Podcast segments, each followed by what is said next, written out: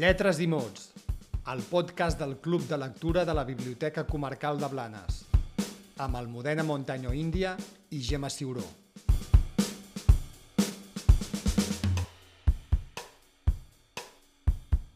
Avui parlarem de l'Eneida, un dels grans llibres clàssics escrit per Publio Virgili Maron. És la imatge simbòlica del poder polític d'August, una de les obres més emblemàtiques de la civilització grecollatina. I la comentarem, com sempre, amb la Gemma Ciuró, la directora de la Biblioteca Comarcal de Blanes i la coordinadora del Club de Lectura dijous de Lletres i Mots. Què tal, Gemma? Com anem? Molt bé, molt contenta d'estar aquí. Molt bé, l'Eneida va ser el llibre que es va comentar a la darrera tertúlia literària del dijous de Lletres i Mots que organitzeu aquí a la Biblioteca Comarcal de Blanes. Va ser una sessió interessant, no?, on tots els components del Club de Lectura van fer les seves aportacions literàries i opinions. Um, començarem, doncs, per contextualitzar el llibre i també um, l'autor. És un llibre que va escriure Virgili, en el que hi va treballar 10 anys, i que, segons diuen, els darrers versos no estan finalitzats, perquè va morir inesperadament durant el viatge en el que anava a buscar més paisatges que inspirarien el seu llibre. Explica'ns doncs, aquesta contextualització de l'autor i de l'obra. Bé, doncs sí, aquesta vegada hem fet l'Eneida, que és una, és una gran aposta. Eh, és, un, és un llibre difícil, és, una, és un retorn a aquests clàssics. De fet, l'Eneida, eh, juntament amb l'Odissea i la Ilíada, és, eh, és uh, un dels grans poemes èpics de la literatura clàssica grecorromana i, i era com una assignatura pendent que teníem. En el club de lectura havíem llegit l'Odissea i, i ens havia agradat, o sigui, havia sigut una, un llibre i una tertúlia molt profitosa perquè eh, vam, o sigui, vam, eh, d'aquí, de, des de l'Odissea, després vam anar a llegir Ulisses, de, de Joyce i vam fer una lectura eh, compartida entre Odissea i Ulisses de Joyce i, i ara ens quedava pendent doncs, aquesta, aquest retorn als clàssics i vam aprofitar doncs, la vinentesa de, de que havíem anat al Liceu a veure Dido i Eneas doncs, per fer aquest esforç de llegir l'Eneida, que realment ha estat un llibre difícil, però que tothom està molt content d'haver-lo llegit o almenys haver-ho intentat.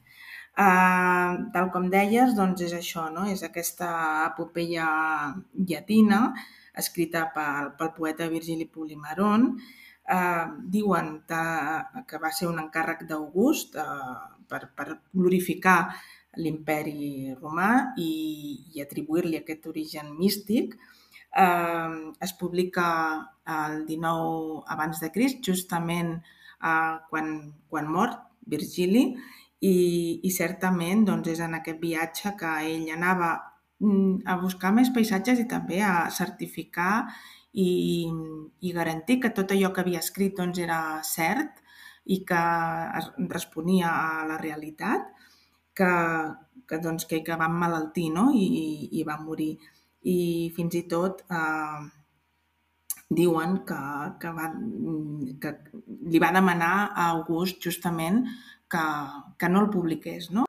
Sí, exacte. A, a, abans de morir, no?, va demanar uh, que l'Eneida fos destruïda, no? Però sort que August no li va fer cas, no?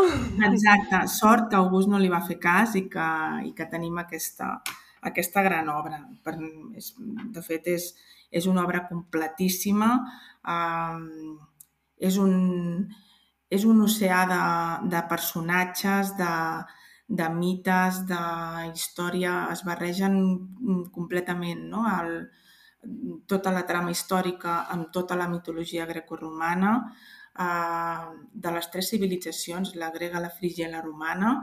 Eh, és, una, és, una, és un cant, és un, un cant a, la, a, la, a la guerra, no? a, la, a la conquesta dels pobles i el pretext d'aquest personatge, Eneas, que surt de, des de la destrucció de Troia i fins a la, la consolidació de, de Roma, no? els inicis de, de, de l'imperi. Sí, el rerefons polític d'aquest llibre podríem dir que encara està, actualment encara estaria de moda, no? Sí, exacte, uh, totalment.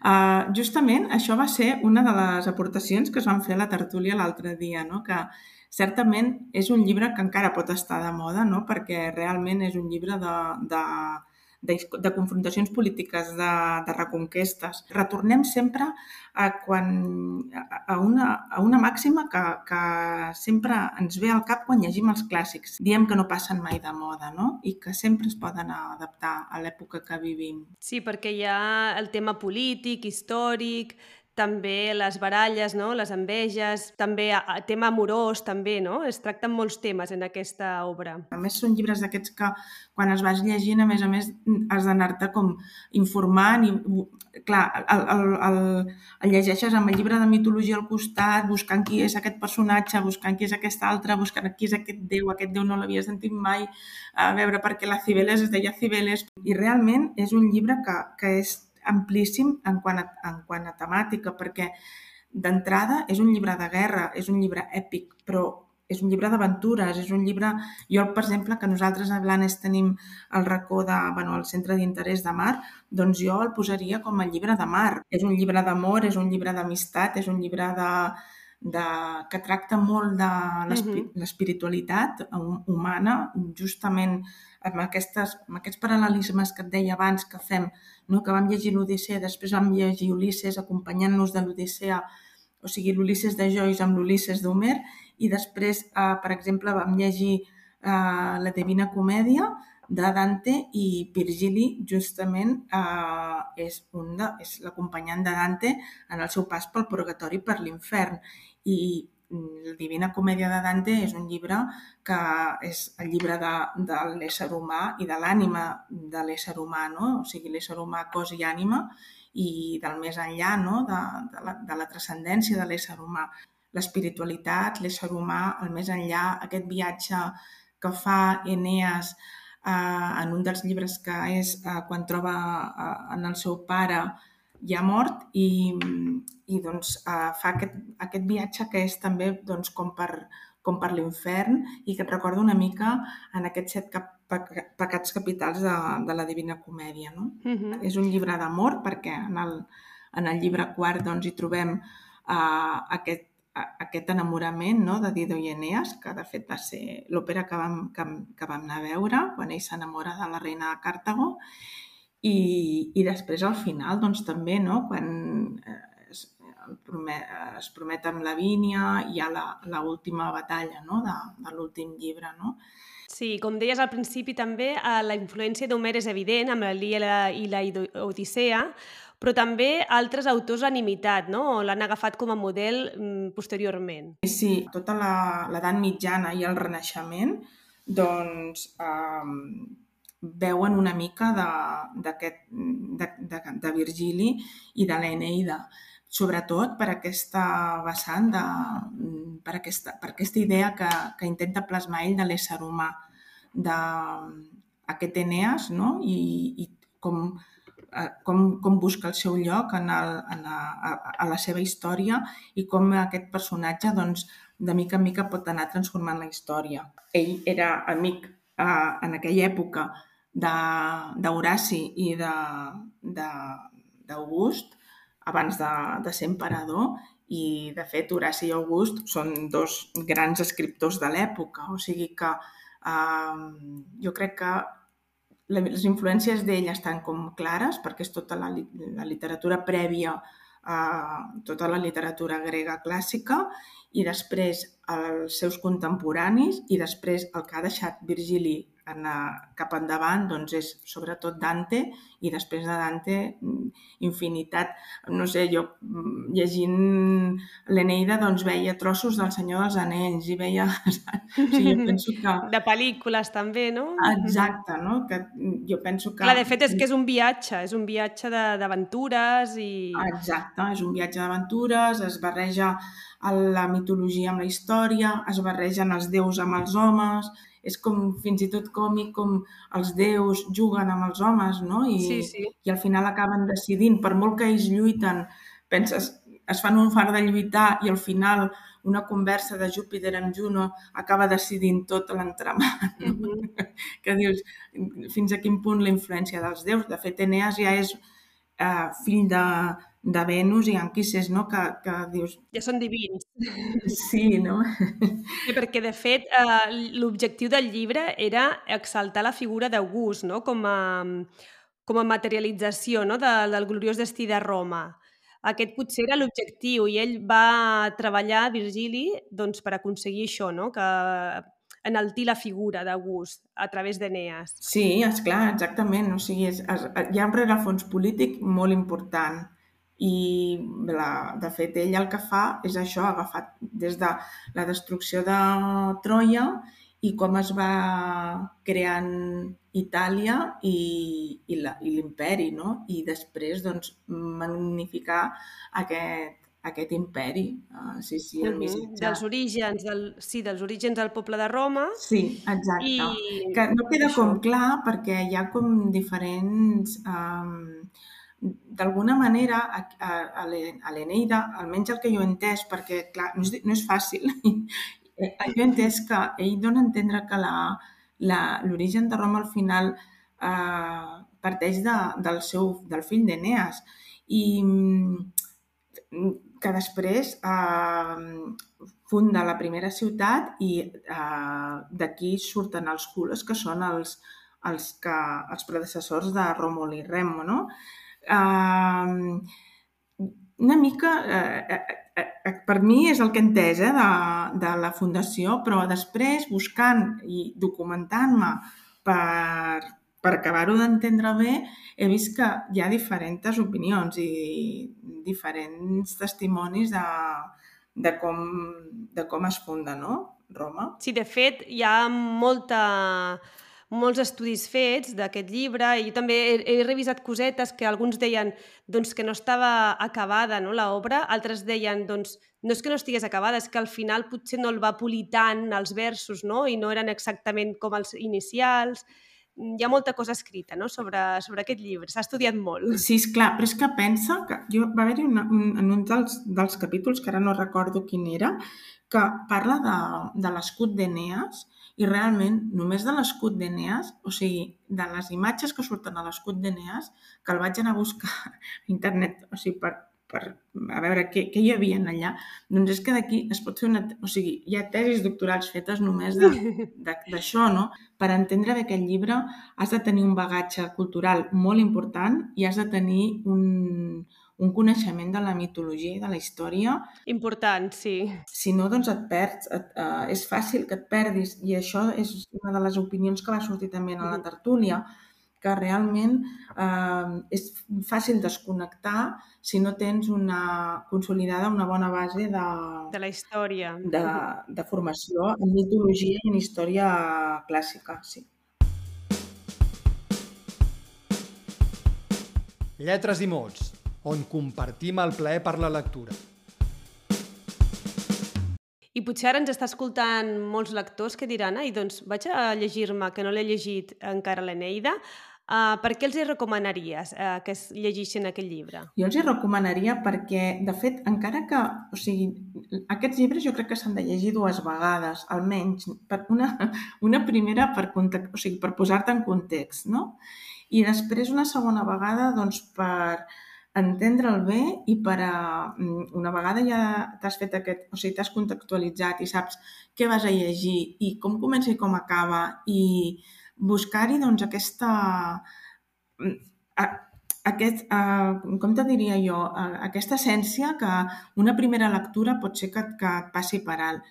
Jo uh, sempre aconsello a tothom llegir els clàssics perquè realment acabem dient sempre que els clàssics no passen de moda perquè són persones, uh, aquests escriptors que han sapigut plasmar sobre el paper idees de, del desenvolupament de la humanitat que no passen de moda perquè realment eh, no hem canviat tant, no? És el que deia abans, els éssers humans. I penso que val la pena llegir-los perquè mm, la vida és curta, no? I hi ha molta cosa escrita molt bona i al final vas, veus com molts altres autors novells doncs, veuen d'aquí, no? Està tot inventat a la literatura.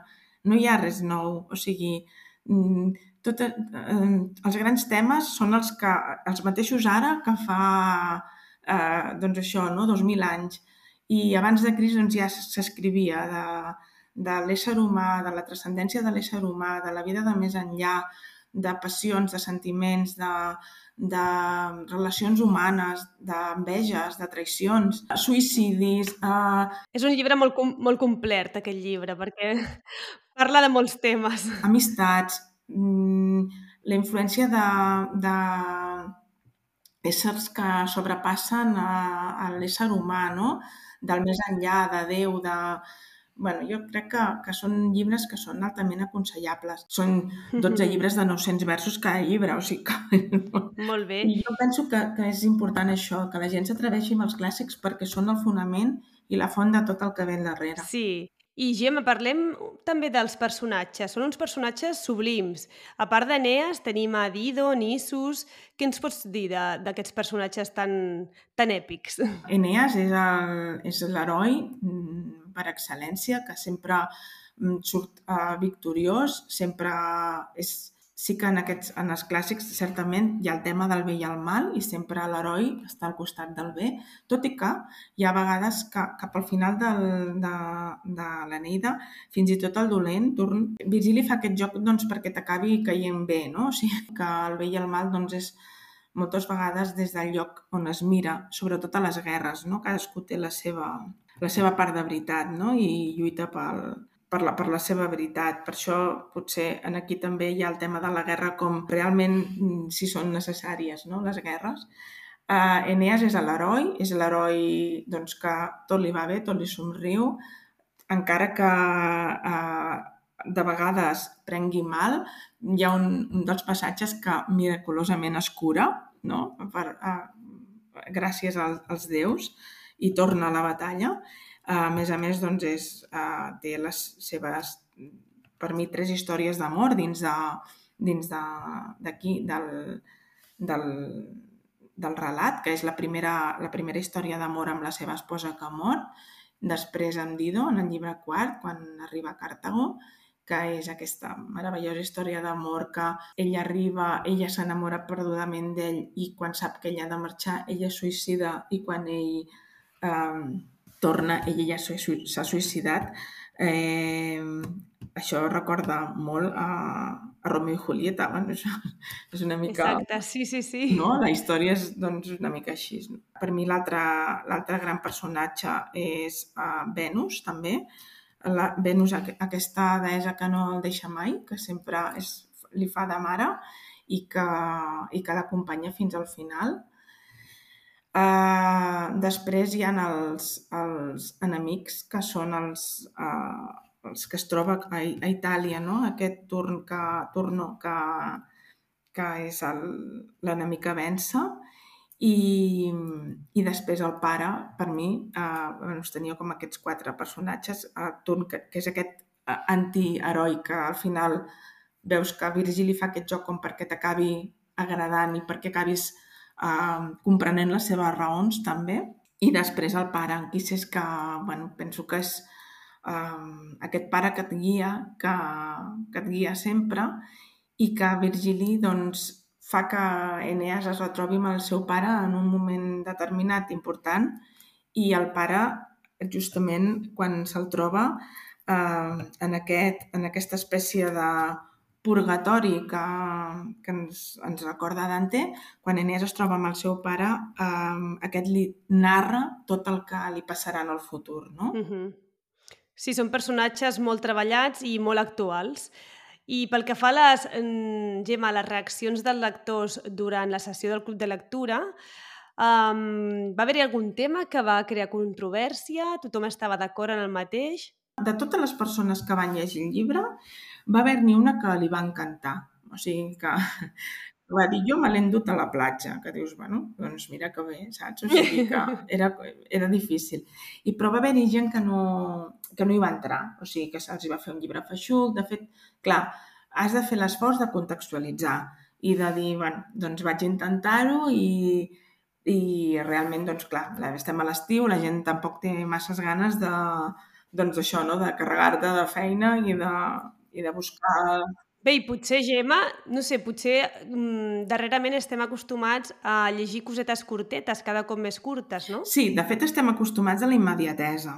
I quan, quan sí. cliquem a l'ordinador i el que hem clicat tarda més de 3 segons ja estem dient que tarda. O sigui... Clar, no ens en recordem de l'origen de l'ordinador i de la informàtica, que quan engegaves internet estaves 10 minuts esperant que s'obrís. Hi ha hagut uh, persones que que han fet el, el, aquesta, aquest, aquest esforç de contextualitzar-se, de posar-se davant de, de l'Eneida, de buscar cosetes. Jo penso que són llibres que et porten a, a buscar i a documentar-te i a, i a assabentar-te de moltes altres coses. Vull dir que són llibres molt enriquidors. Per això també és una de les recomanacions que faig, no? llegir aquest tipus de llibres perquè enriqueixen moltíssim.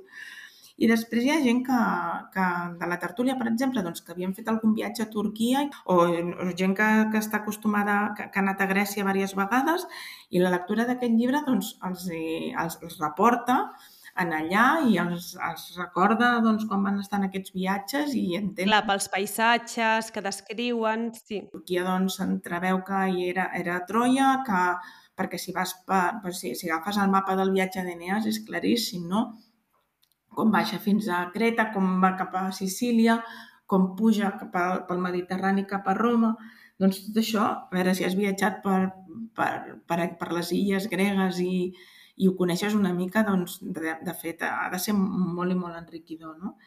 Uh, també hi havia gent que havia fet lectures uh -huh. uh, sobre Virgili, sobre la seva vida, uh, i d'on bevia Virgili, no? Doncs hi havia gent que deia que el, els els feia pensar molt en, en Sòfocles.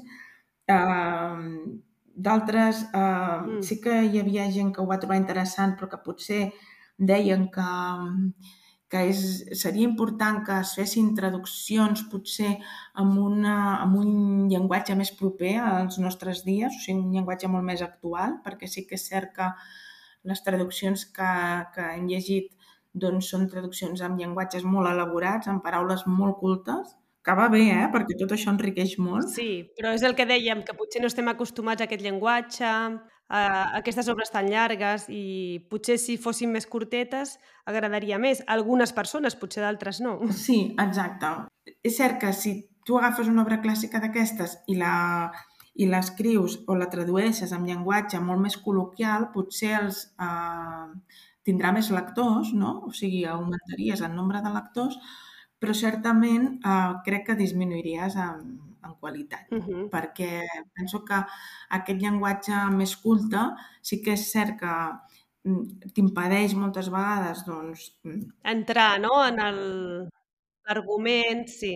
Has de parar, mirar què significa aquesta paraula al diccionari, Clar. tornar a la lectura, tornar a enganxar... Uh -huh doncs Gemma, abans d'acomiadar-nos, quina seria la propera lectura que proposeu al Club de Lectura de dijous de lletres i mots? Així l'avancem? Sí, perquè així la gent que vulgui ja té tot aquest mes per llegir-lo. De premi, de premi. perquè per compensar. De llegir, sí, per compensar. De fet, aquesta l'hem llegit també, per, ja t'ho he comentat, eh, perquè eh, com que estem en el... que ja ho vaig comentar en l'anterior podcast que vam fer, que eh, el, com que estem amb el tema del Liceu VIP, doncs eh, vam anar al Liceu a veure Dido i Eneas i vaig pensar és l'ocasió fantàstica per llegir l'Eneida, no? perquè ens trobarem amb aquest Eneas i bueno, doncs ho podrem lligar amb aquesta visita al Liceu que va ser espectacular. Doncs ara eh, tindran una cosa molt més lleugera, molt divertida, eh, bueno, divertida, molt, molt més dinàmica, potser, que és doncs, aquesta visita a la senyora Soler, que és eh, aquesta novel·la amagada de Pedrolo. Eh, de fet, eh, entre cometes, es diu que és una de les novel·les perdudes de Pedrolo, eh, que va escrita l'any 1959 i va veure la llum molt posteriorment, doncs perquè va ser una novel·la censurada, perquè tracta el tema de la sexualitat femenina, doncs és una, és una novel·leta molt petita, molt lleugera. No és una proposta meva, és una proposta d'un dels lectors del Club de Lectura i, com sempre, doncs, fem aquest entremig no? d'agafar cosetes que proposo jo, com per exemple ha estat la Neida, i altres cosetes que proposen els, els participants, els lectors, els tertulians, i, i bé, moltes ganes de començar-la, la veritat. Doncs molt bé. Mm, doncs Gemma, animem a tothom a, a que llegeixin a Pedrolo Sí. i mm, ens trobarem el següent mes per comentar-la. Primer, físicament, els que vulguin anar al club de lectura ho tractaran allà i els que vulgueu llegir-lo pel vostre compte i escoltar el podcast que comentarem el segon dijous de cada mes, doncs ja ho sabeu. Teniu tot el mes per preparar aquesta lectura. Exacte. Nosaltres ens trobarem el dia 7 de setembre a les 7 de la tarda a la biblioteca per comentar la visita a la senyora Soler. Molt bé. Doncs res més, ho deixem avui aquí, Gemma. Moltíssimes gràcies. Doncs ens trobem això, el segon dijous de cada mes. Ja sabeu que els tindreu penjades les, els podcasts a les xarxes i a les plataformes, també al blog de la Biblioteca Comarcal de Blanes. Molt bé, fins al proper dijous. Que llegiu molt. Adeu! Adeu. Lletres i mots, el podcast del Club de Lectura de la Biblioteca Comarcal de Blanes, amb Almudena Montaño Índia i Gemma Ciuró.